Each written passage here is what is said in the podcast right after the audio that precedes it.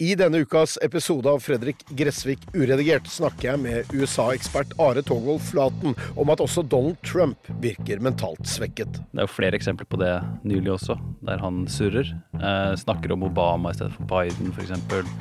Han er jo ikke det han var, han heller, hvis du ser tilbake på klipp av Trump fra 2015-2016. Gjerne enda lenger tilbake, den gang han var demokrat. Hør Fredrik Gressvik uredigert, gratis der du hører podkast.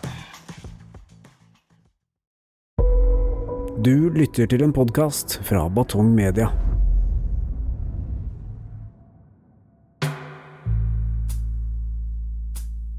Blod på veggen skulle vise seg å bli en av de mest intrikate, utfordrende og spennende sakene vi har jobbet med.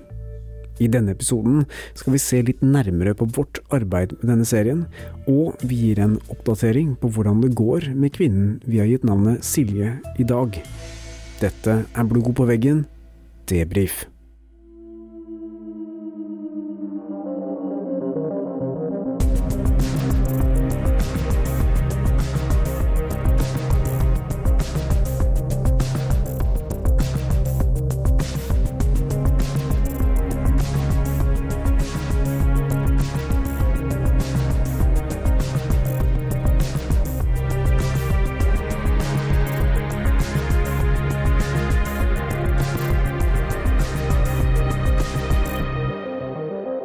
Sommeren 2021 så skal Silje ha blitt overfalt og holdt fanget i sitt eget hjem.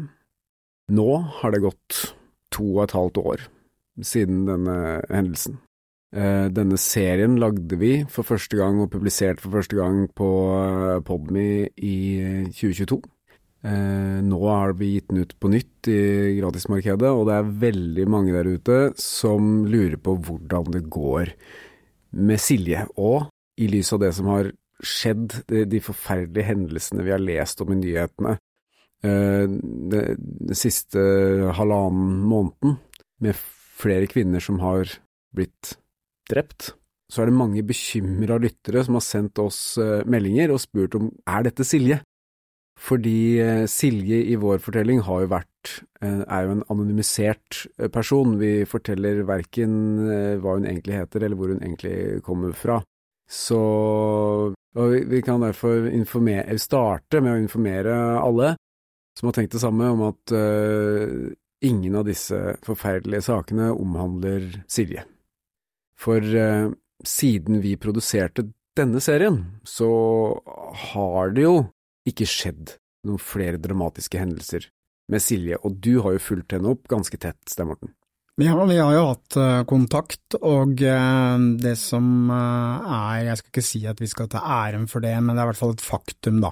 Mm. At etter at vi publiserte denne serien, så har det ikke skjedd noe mer slike dramatiske hendelser med henne. Det har rett og slett roa seg ned litt, og det får vi håpe fortsetter. Og hva gjelder barnevernet og disse tingene, så tok jo barnevernet også etterkant av denne serien og rett og slett trakk seg unna og jeg vet ikke om det heter henla, eller, men det heter ikke det i barnevern, tenker jeg, men uansett, de avsluttet alle mm. sakene, og, og, så det er jo også nå over, da. Så du kan jo si at sånn sett så har jo livet eh, roet seg lite grann. Mm. Vi vet jo fortsatt ikke hva som skjedde den kvelden hvor hun ble stripsa fast ute i bua. Mm. Det har jo vært mange teorier om hvem som kan ha vært involvert, at hun har gjort det selv, har fått hjelp til å gjøre det selv, og vi har jo prøvd ut disse forskjellige teoriene. Faktum er, vi har fortsatt ikke noe svar. Det har gått ett og et halvt år siden vi så nærmere på denne saken. Uh, og politiet har ikke fortsatt etterforskningen, etter hva jeg har skjønt. Status på det er vel at uh, det har ikke blitt gjort noe mer, rett og slett. Uh, om saken er avsluttet formelt, det er jeg usikker på, altså. Men det er i hvert fall ikke blitt foretatt noen flere etterforskningsgrep, og man har ikke kommet noe nærmere av å finne ut hva som virkelig skjedde den kvelden. Dette starta jo med en mangeårig konflikt mellom Silje og eksmannen Frode. Og øh, vi har jo fortalt om mye av bakgrunnen til Frode og hans øh, problemer med rus, og det er jo mye vi ikke har gått i detalj på, men, men det ser også ut som om det har roet seg litt mellom de to. Absolutt, det er mitt inntrykk at det har eh, roet seg litt, men dette er jo en sak som hvis man ser litt sånn større på det, da, eh, i lys av hva som har skjedd de siste tiden, så er det ikke noe tvil om at dette er jo et samfunnsproblem. Det er veldig mye vold i nære relasjoner som har utspring i konflikter, eh, og det er ikke noe tvil om at 2024 har jo fått en forferdelig start i forhold til disse tingene. Man ser jo det, at det er mange kvinner som blir drept mm. av ekser, eh, menn som eh, de har hatt et eller annet forhold til, og det eh, Blodet på veggen er på mange måter en serie som handler om akkurat det temaet, men dette, denne problematikken er jo så stor, og det er så veldig mye av det, og selv om det er veldig fokus på det nå, så, så har jo dette vært et problem i veldig mange år uten at mm. man har klart å, å få gjort så veldig mye med det, da. Og det er klart at det å liksom være i et forhold, og så blir det slutt, og så blir det konflikter, og så ender det med, med og ja, kanskje det var vold allerede før det tok slutt, men at den volden ikke tar slutt, og det fortsetter både med fysisk og psykisk vold, det er jo noe vi må snakke om, og mm. noe vi må liksom ha veldig fokus på, etter min mening, da, for det ødelegger jo livene til veldig mange mennesker, og ikke minst de barna da, som blir en del av det. Mm. Og ytterste konsekvens så ender det opp med eh, drap. Og nå i begynnelsen av 2024 så hadde vi jo eh, flere drap eh, på rappen, bare med noen dagers mellomrom. Og det føltes nok for mange veldig sånn overveldende. Men statistikken viser jo at disse partnerdrapene det har vært ganske jevnt siden 2000, på altså 24 år. Og da snakker vi nå til og med februar, da. Eh, så har det blitt eh, drept 188 kvinner og 25 menn. Mm. Så i såkalte partnerdrap, da. Dette er jo et svært alvorlig og viktig eh, tema, men for oss så er jo også dette spennende å, å jobbe med. Og vi fikk jo testa ut ganske mange av våre metoder i løpet av eh, arbeidet med denne serien. Tenker at når du skal eh, jobbe med en sånn sak, så nytter det ikke bare å sitte på kontor og lese dokumenter, selv om det er mye mm. av det òg. Det, det kom med masse dokumenter. Problemet i denne saken her var at det kom litt sånn spredt. Så var det to sider fra en, et dokument som burde vært 15 eh, sider. Så det var en utfordring å nøste opp og samle all informasjonen sånn at det ble fullstendig. For å kunne eh, få et riktig inntrykk og forståelse av hva som har skjedd i en sak, så må man se det fra A til Å. Det holder ikke å få side nummer åtte og ni. Så der var det en uh, ganske omfattende jobb ja, for, for å få hele det bildet. Det du sikter til nå, er jo det at eh, vi fikk jo veldig mange dokumenter fra Silje. Uh, og det var gjerne deler av dokumenter. Mm -hmm. Og da er man jo nødt til å Som, som du sier, da, altså det er, det, det er en, en du, du, ser sidenummeret, du ser at det står 18 og 19. Hvor er side 1 til 17 og det etterpå? Mm. Og da må man jo stille seg det spørsmålet, er dette her valgt ut med hensikt, eller er det andre grunner til at vi får kun denne, denne delen av dokumentet? Så vi brukte jo mye tid på å samle, samle de, de, fullstendige dokumentene, og det fikk vi jo mye av et, etter hvert, etter hvert som vi spurte Silje om dette. men det er jo en utfordring når du kun har én side i, ja, i tale. Jeg skal akkurat si, ja. at eh, Frode vil ikke stille opp, barnevernet vil ikke stille opp, politiet vil ikke stille opp, og da det er den klassiske som vi ofte opplever, at vi, vi får veldig mye fra én part, og så klarer vi ikke å få de andre i tale, og da er det jo ikke alltid like enkelt å, å balansere dette ut, da. Mm. Men så tenker jeg også, hvis jeg hadde vært motpart i en sånn sak og fått de beskyldningene, så ville jeg lagt fram alt jeg hadde for å liksom bevise min uskyld, og det ville i hvert fall jeg gjort, da. Men problemet er at vi, vi fikk jo ikke det. Nei, men det, dette var jo Hvis du tenker da på Frode, så hadde han jo forklarelse overfor politiet, og eh, hvis jeg skal sette meg selv i den situasjonen, så hadde kanskje òg, som han sa til oss, så valgte jo han å ikke eh, stille opp av hensyn til barna. Det, det respekterer jeg, og det er jo en av årsakene til at vi har totalanonymisert dette. Mm. Og med navn og plassert et annet sted osv. Rett og slett for at det er små barn inne i bildet. og Det var jo utgangspunktet at vi sa nei første gangen, fordi Mm. vi er ikke så veldig glad i det. Fordi det er eh, vanskelig å balansere det, Mm. rett og slett. Men så kom den historien om kidnapping eh, og strips i bua, og da ble det for spennende for oss. Det var et. Krimmysterium å løse, rett og Ikke slett. sant? Ja. Ja. Mm. Så det, det var jo en eh, fantastisk eh, spennende sak med masse ingredienser. Du hadde denne kvinnen i nød, en, en eh, ekskjæreste, og så plutselig inn fra sidelinja så kom jo han eh, eks-torpedoen. Ja, det var jo helt uh, Gjorde det selvfølgelig enda mer. Og ikke nok med det, men så kommer det to politifolk fra noe hemmelige spaningsgreier inn i miksen her òg, så det er klart vi Ikke sant? Det var en fantastisk kveld da vi dro ned til Silje alle tre og mygga hun opp.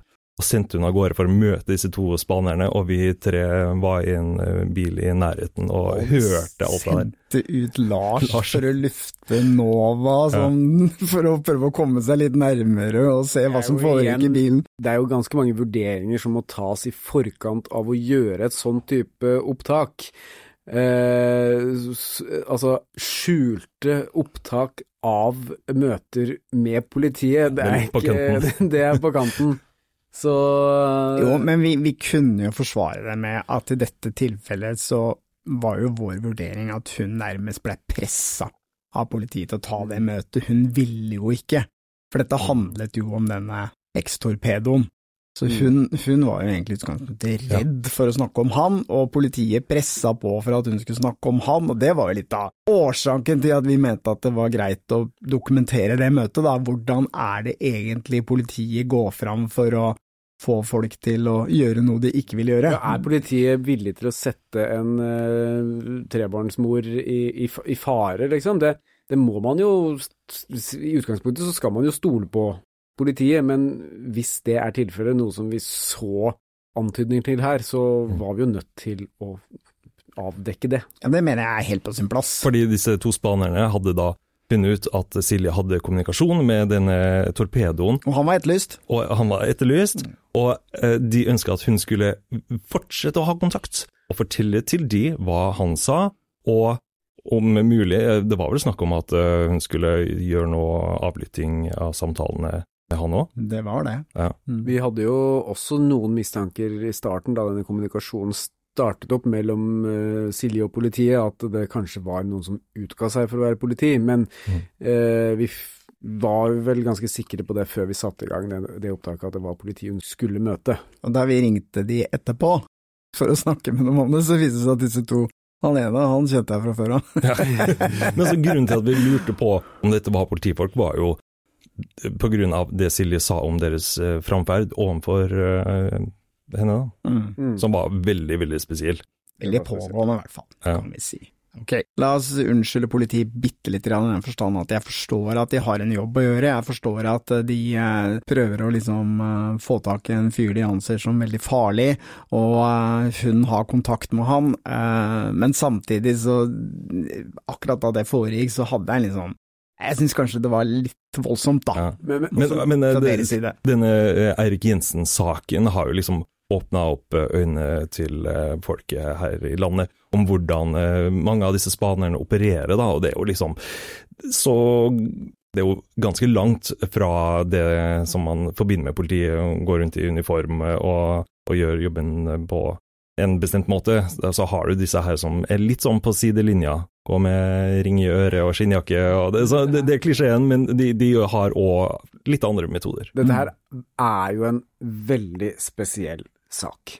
Eh, og politiet har mistenkt Silje tidligere for å ha eh, iscenesatt denne kidnappingen, så at, at de også At de går frem på den måten de gjør i dette tilfellet, er kanskje ikke så rart, da. Nei. Når du ser på alle elementene som er i denne saken, de forskjellige kriminelle som er eh, involvert Det har jo vært også en tidligere eh, torpedo som hun har vært i kontakt med, en eh, slags privatetterforsker som også var involvert i denne saken, som politiet ikke nødvendigvis eh, setter så pris på. Så så at de gikk fram på den måten, det forstår jeg, og jeg regner med at de også forstår hvorfor vi gikk fram på den måten vi gjorde. Men, men så tenker jeg òg at det må jeg bare si, at eh, når det er tre små barn involvert, og vi vet jo at denne personen de var ute etter, han har jo en historikk om å være livsfarlig, Mm. og da er jeg litt sånn Er det greit? Er det greit å sende, sette henne i den situasjonen at hun skal opptre som en form for agent for dem og sladre på denne fyren og ta opp samtaler og gi til politiet at de presser på? Jeg, jeg, jeg er fortsatt litt usikker på om det er greit, altså. Det er noe med det derre å måle hellige midlene, jeg vet ikke om det alltid gjør det. Hva tenker dere? Det er jo sånn du ser i en eh, amerikansk film, da. Ja, det er jo det. Mm. Det går som regel jævla dårlig for den som, som blir satt i den situasjonen. Småbarnsmoren som skal gå undercover. Mm. Men dette møtet her med politiet, det fikk heller ingen følger. Det ble ikke fulgt opp av politiet i etterkant, det. Nei, altså det møtet hun hadde med politiet, det, det som skjedde var at hun ville jo ikke. Sånn at, eh, for hun turte rett og slett ikke. Og eh, det som skjedde da, det var at de holdt på å mase en stund, rett og slett. Sendte meldinger og maste og maste, men hun bare blånekta, og så tror jeg det rett og slett bare rant ut i sanda, altså. Mm.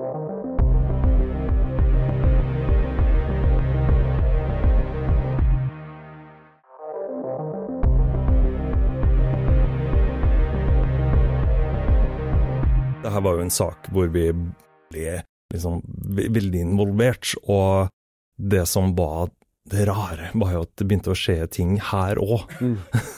Ja, altså, vi har lært, vi har, altså, vi har lært mye av den arbeidet med den saken her, men vi har også lært at man eh, eh, noen ganger så kanskje man pirker borti ting man ikke skal pirke borti. Vi Mm. vet jo ikke om det er eh, tilfellet her, om dette her hadde noe med saken å gjøre i det hele tatt, men jeg kom jo på jobb den dagen og så denne blodspruten på, på døra vår. Mm.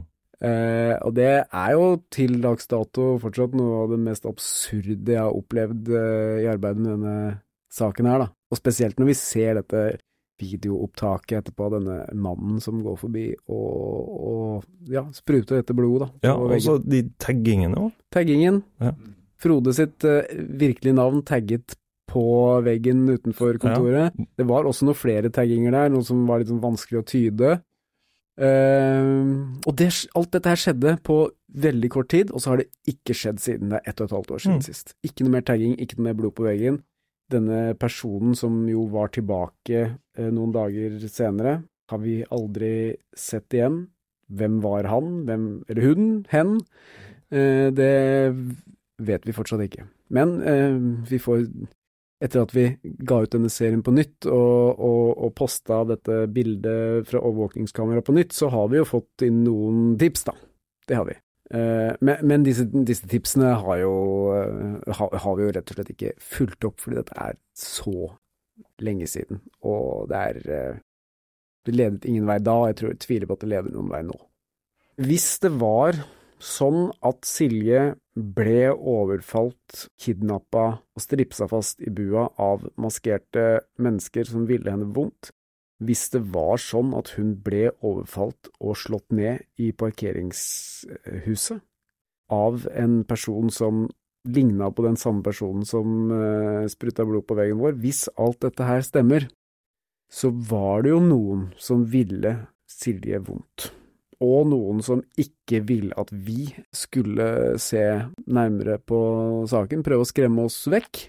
Men det at vi publiserte denne saken og fortalte Silje sin historie, det har kanskje ført til at disse personene har eh, skjønt at de ikke skal holde på sånn, da, siden det ikke har skjedd noe mer. Mm. Eh, Det har i hvert fall ikke skjedd noe her, og det har ikke skjedd noe mer dramatisk med Silje, så kanskje vi kan konkludere med at eh, det er viktig at eh, sånne som oss forteller disse historiene. Og et sånt stunt, eh, hvis det hadde en sammenheng med Siljes eh, sak, da, så er jo ikke det er en handling som vil uh, stoppe oss. Det vil jo bare putte mer bensin på bålet når, når du kommer på, til jobb på kontoret og ser at det er blod på døra. Da legger vi ikke den uh, bort. Da trapper vi heller opp uh, på den saken der.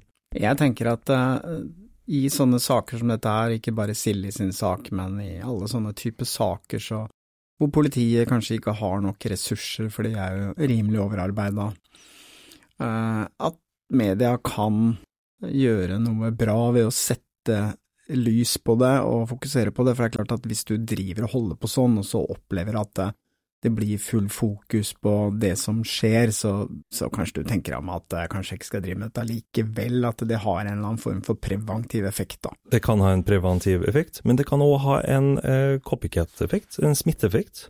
Det kan det også. Eh, vi ser jo nå, dette året her starta jo med voldsomt mange partnerdrap, drap i nære relasjoner, så har jo det ført til at det har blitt mer fokus på det. Nå er ikke vi noen eksperter på dette feltet her, Stein Morten, men du har prata med en forsker som er det. Du har prata med forsker Maria Teresa Dale, som eh, jobber i Nasjonalt kunnskapssenter om vold og traumatisk stress.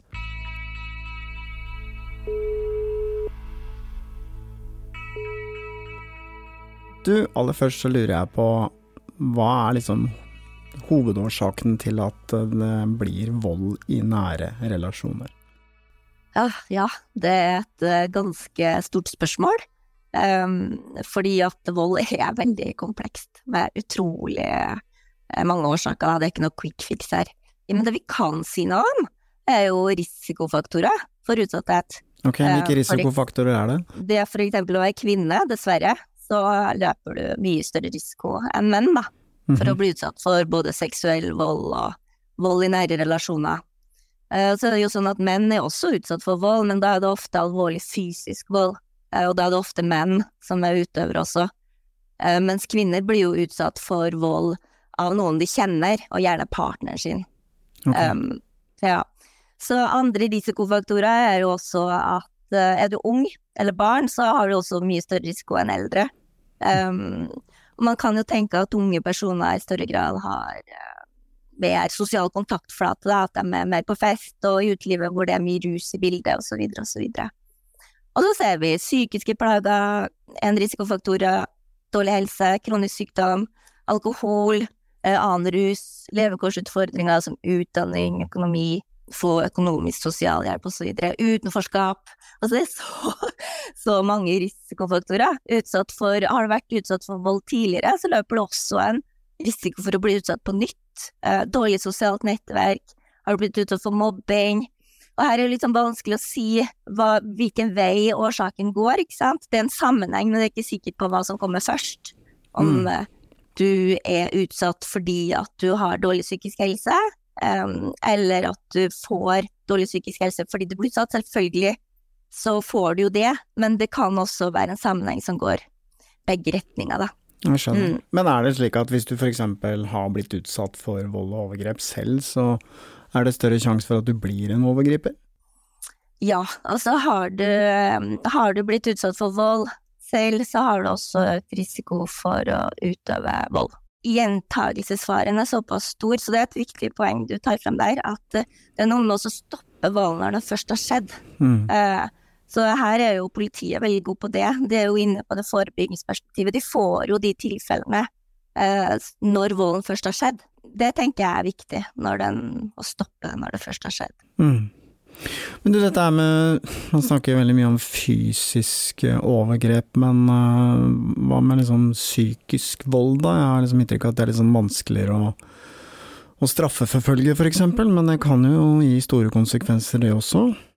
Ja, absolutt, og der um, er det, det er et område vi trenger mer forskning på. Man kan jo tenke at det finnes jo ikke noe vold uten at psykisk vold er involvert. Nei, ikke sant. Um, Nei, ikke sant. Så, ja. Mm. Men hva kan man gjøre for å forebygge dette, da? Altså, hva kan samfunnet gjøre, hva kan hver enkelt person gjøre? Uh, ja, det er jo veldig viktig. Altså, det ene jeg tenker er at hvis du er utsatt, uh, så må du aldri gi opp tanken på at det faktisk er mulig å få hjelp. det finnes informasjon der ute. Det, NKVTS og Din utvei har jo eksempel en voldsveileder på nettsida si, mm. uh, hvor det er oversikt over alle tjenester. Um, og har, det finnes også lavterskeltilbud, uh, for noen trenger bare noen å snakke med. Uh, som kanskje ikke bare skal gi råd, men bare lytte til det du har å fortelle, og da har vi jo uh, hjelpelinjetjenester, for eksempel vold- og overgrepslinja. Og så tenker jeg at det er ikke sikkert at det å oppmuntre til anmeldelse er riktig for alle, men har man helseproblematikk, så er det jo veldig smart å be om hjelp, da. Mm. Um, og så er vi bekymra for at barn og voksne som blir utsatt for alvorlige kriminelle hendelser, så skal vi jo si fra. Um, det er jo ikke sånn Altså, uh, det er jo alvorlig kriminalitet, så det er jo ikke en privatsak. Uh, det er jo et offentlig ansvar også. Så vi, et, vi som er rundt, har også en samfunnsetisk plikt til å prøve å forhindre da, at vold og overgrep skjer. Vi må tørre å spørre. Mm.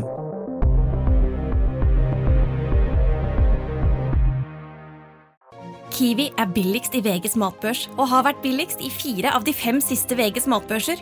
Og nå presser vi prisen på påskevarer fram til 1. april. På 591 gram Toro vaffelmiks presser vi prisen fra 35,90 helt ned til 26,90.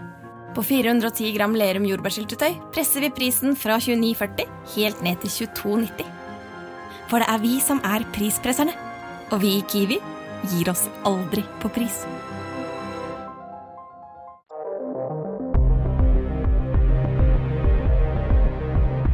I Siljes sak så var det jo snakk om vold i nære relasjoner, og for at dette voldsbegrepet er jo ganske utvida. WHO, Verdens helseorganisasjon, definerer jo vold som eh, både fysisk, seksuell og psykisk eh, vold. Og Silje var jo både fysisk og psykisk, blir det hevda, da. Ja, og det som er litt problemet med det, er at fysisk vold og seksuell vold, det er jo litt sånn jeg skal ikke si det er enkelt, men det kan man på mange måter straffeforfølge, det finnes kanskje bevis, DNA osv. Det som er litt problemet med psykisk vold, vet du, at det er eh, nesten håpløst å straffeforfølge, til tross for at man vet at eh, det er jo like alvorlig og kan ødelegge mennesker fullstendig. Så det er sånn rart at ikke lovverket fanger opp det ordentlig, men det er selvfølgelig vanskelig å bevise òg, da, mm. ikke sant. Silje sin uh, sak er jo spesiell fordi hun uh, har jo forsøkt å få hjelp av både politi og barnevern, og føler seg mistenkeliggjort av disse instansene som egentlig er der for å hjelpe oss.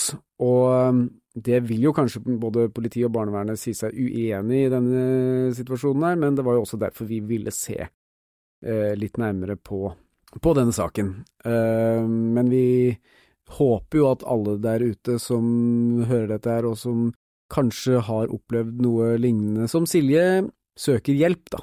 Selv om Silje opplevde kanskje å ikke få den hjelpen som hun mente hun trengte fra politiet og barnevernet, så betyr jo ikke det at hvis du blir utsatt for noe lignende, så må du for guds skyld eh, anmelde, oppsøke politiet og de etatene som er der for å hjelpe, for der er det veldig mange flinke folk som gjør sitt beste for å, å, støtte opp, det vil jeg bare si, altså. Det er ikke sånn at uh, disse etatene her ikke tar dette på alvor, men det er klart at det er stort arbeidspress, og i denne saken så var det spesielt vanskelig, selvfølgelig, for her uh, Det var komplisert, og det var komplisert å finne ut av hvem som sto bak disse tingene, og bevise det, da.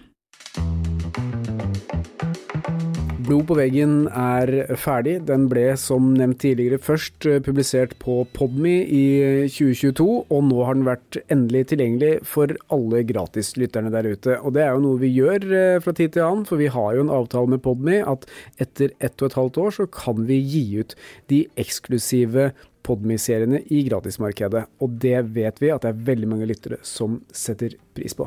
Men framover nå så kommer det jo veldig mye nytt. Vi jobber med mange spennende serier, så det er bare å glede seg til eh, mye nytt avhørt innhold i månedene framover. Men ikke bare avhørt, vi har jo òg en annen podkast, Grenseløs, hvor du er med Stein Morten. Ja, vi er jo endelig i gang med ny sesong, sesong nummer to. Og det kommer jo nå ukentlige episoder av Grenseløs eh, hele veien fram til sommeren. Så det er bare å glede seg. Og hva kan vi forvente av denne sesongen her av Grenseløs, Stein Morten? Nei, det er jo eh, Vi har gjort episoder fra mange spennende reisemål. Sør-Amerika, Afrika, mye fra Australia. Altså rundt omkring i hele verden. Nye historier, nye spennende steder hvor Jonny har vært. og og han er jo en fantastisk formidler, så det er bare å glede seg til å høre alt han har vært med på eh, opp gjennom åra, for det er ikke lite, altså. I tillegg til Avhørt og Grenseløs, så kan jeg også avsløre at vi jobber med helt nye podkaster, som vi kommer til å fortelle mer om eh, når eh, det blir aktuelt. Ja, men noe som er aktuelt nå, er et prosjekt som egentlig skulle stå klart til jula i fjor. Men det ble stoppa av ja. Eh, VG. Ja. Da var vi i gang med bokprosjektet. Den skulle gis ut uh, og ligge klar under juletrærne julen 2023, men uh, den ble stoppa av uh, diverse grunner. Men det har ikke skrivinga, for du Stein Morten har rett og slett skrevet historien om oss, om Avhørt. Fra ingenting til Norges største. Helt riktig. Jeg tok tak i dette her i november og tenkte at en bok skal det bli. Og holdt på i en fem-seks uker med å fortelle hele historien om Avhørt. Fra vi startet på en strand i Portugal i 2019 til vi i fjor høst ble desidert størst i Norge. Mm. Og her får du et ganske bra innblikk i eh, hvordan vi jobbet med de ulike sakene, og veldig mye som skjedde i kulissene da, som ikke har kommet med i podkasten. Og den boka, den kommer snart. Den kommer til påske. De historiene som er i boka, det er jo noe som man har hørt før, men eh, det som er fint med boka, er at man kan se det òg. For at, eh, jeg visste ikke engang at vi hadde alle de her bildene, men det har blitt mange bilder inni den boka. Jeg vil si at det har blitt en veldig Det ser ut til å bli en veldig fin bok. Veldig bildelagt, og at du, når du leser denne boka, så får du eh, Hva skal jeg si for noe? Du får vite mye mer enn mm. det du har fått vite gjennom å høre podkastene, for det har skjedd mye greier i kulissene her, altså. Boka gir et unikt innblikk i arbeidet vårt med podkasten og de historiene vi har fortalt der. Den blir tilgjengelig for, i forsalg veldig snart.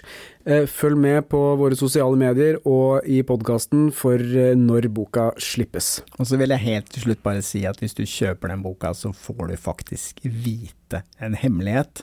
Mange hemmeligheter, men kanskje den viktigste er hvordan Helge bidro til å finansiere dette firmaet i den spede starten. og får du signert av Stein Morten Lier? Og du får signert av oss alle.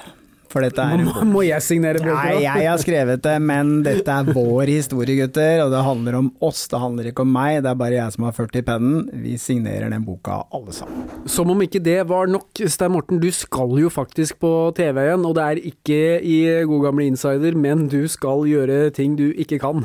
Det er helt riktig. Camp Culinaris.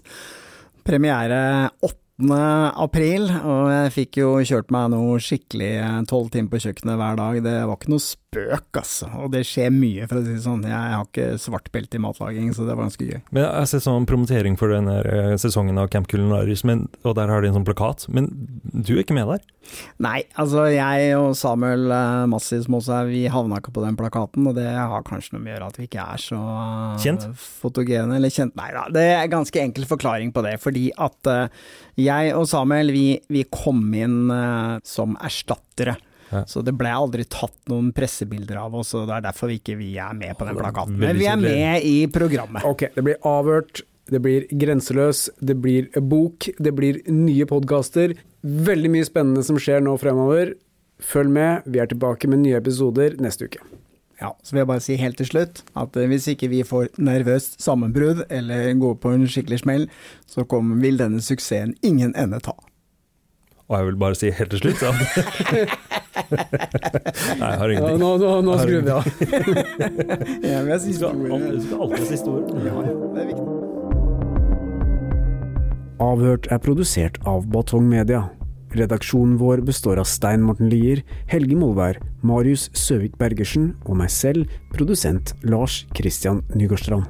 Denne episoden er klippet av Erik Lie Johannessen. Temamusikken vår er laget av Altered States, og du finner Avhørt på Facebook og Instagram. Hvis du vil høre eksklusive episoder av Avhørt, gå inn på podmy.no, eller last ned Podmy-appen. Ansvarlig redaktør i Batong Media er Stein Morten Lier. Hvis du setter pris på Avhørt og syns at den jobben vi gjør er viktig, så kan du støtte oss ved å vippse til 8075 99, eller søke opp Batong Media i vips appen Og vi setter stor pris på alle bidrag, store og små. Kiwi er billigst i VGs matbørs og har vært billigst i fire av de fem siste VGs matbørser. Og nå presser vi prisene på frukt og grønnsaker. På 200 gram broccolini setter vi prisen til 24,90. På 400 gram Cevita blåbær setter vi prisen til 49,90. Og husk, alle Kiwi Pluss-kunder får i tillegg 15% trumfbonus på all fersk frukt og grønt. For det er vi som er prispresserne. Og vi i Kiwi gir oss aldri på pris.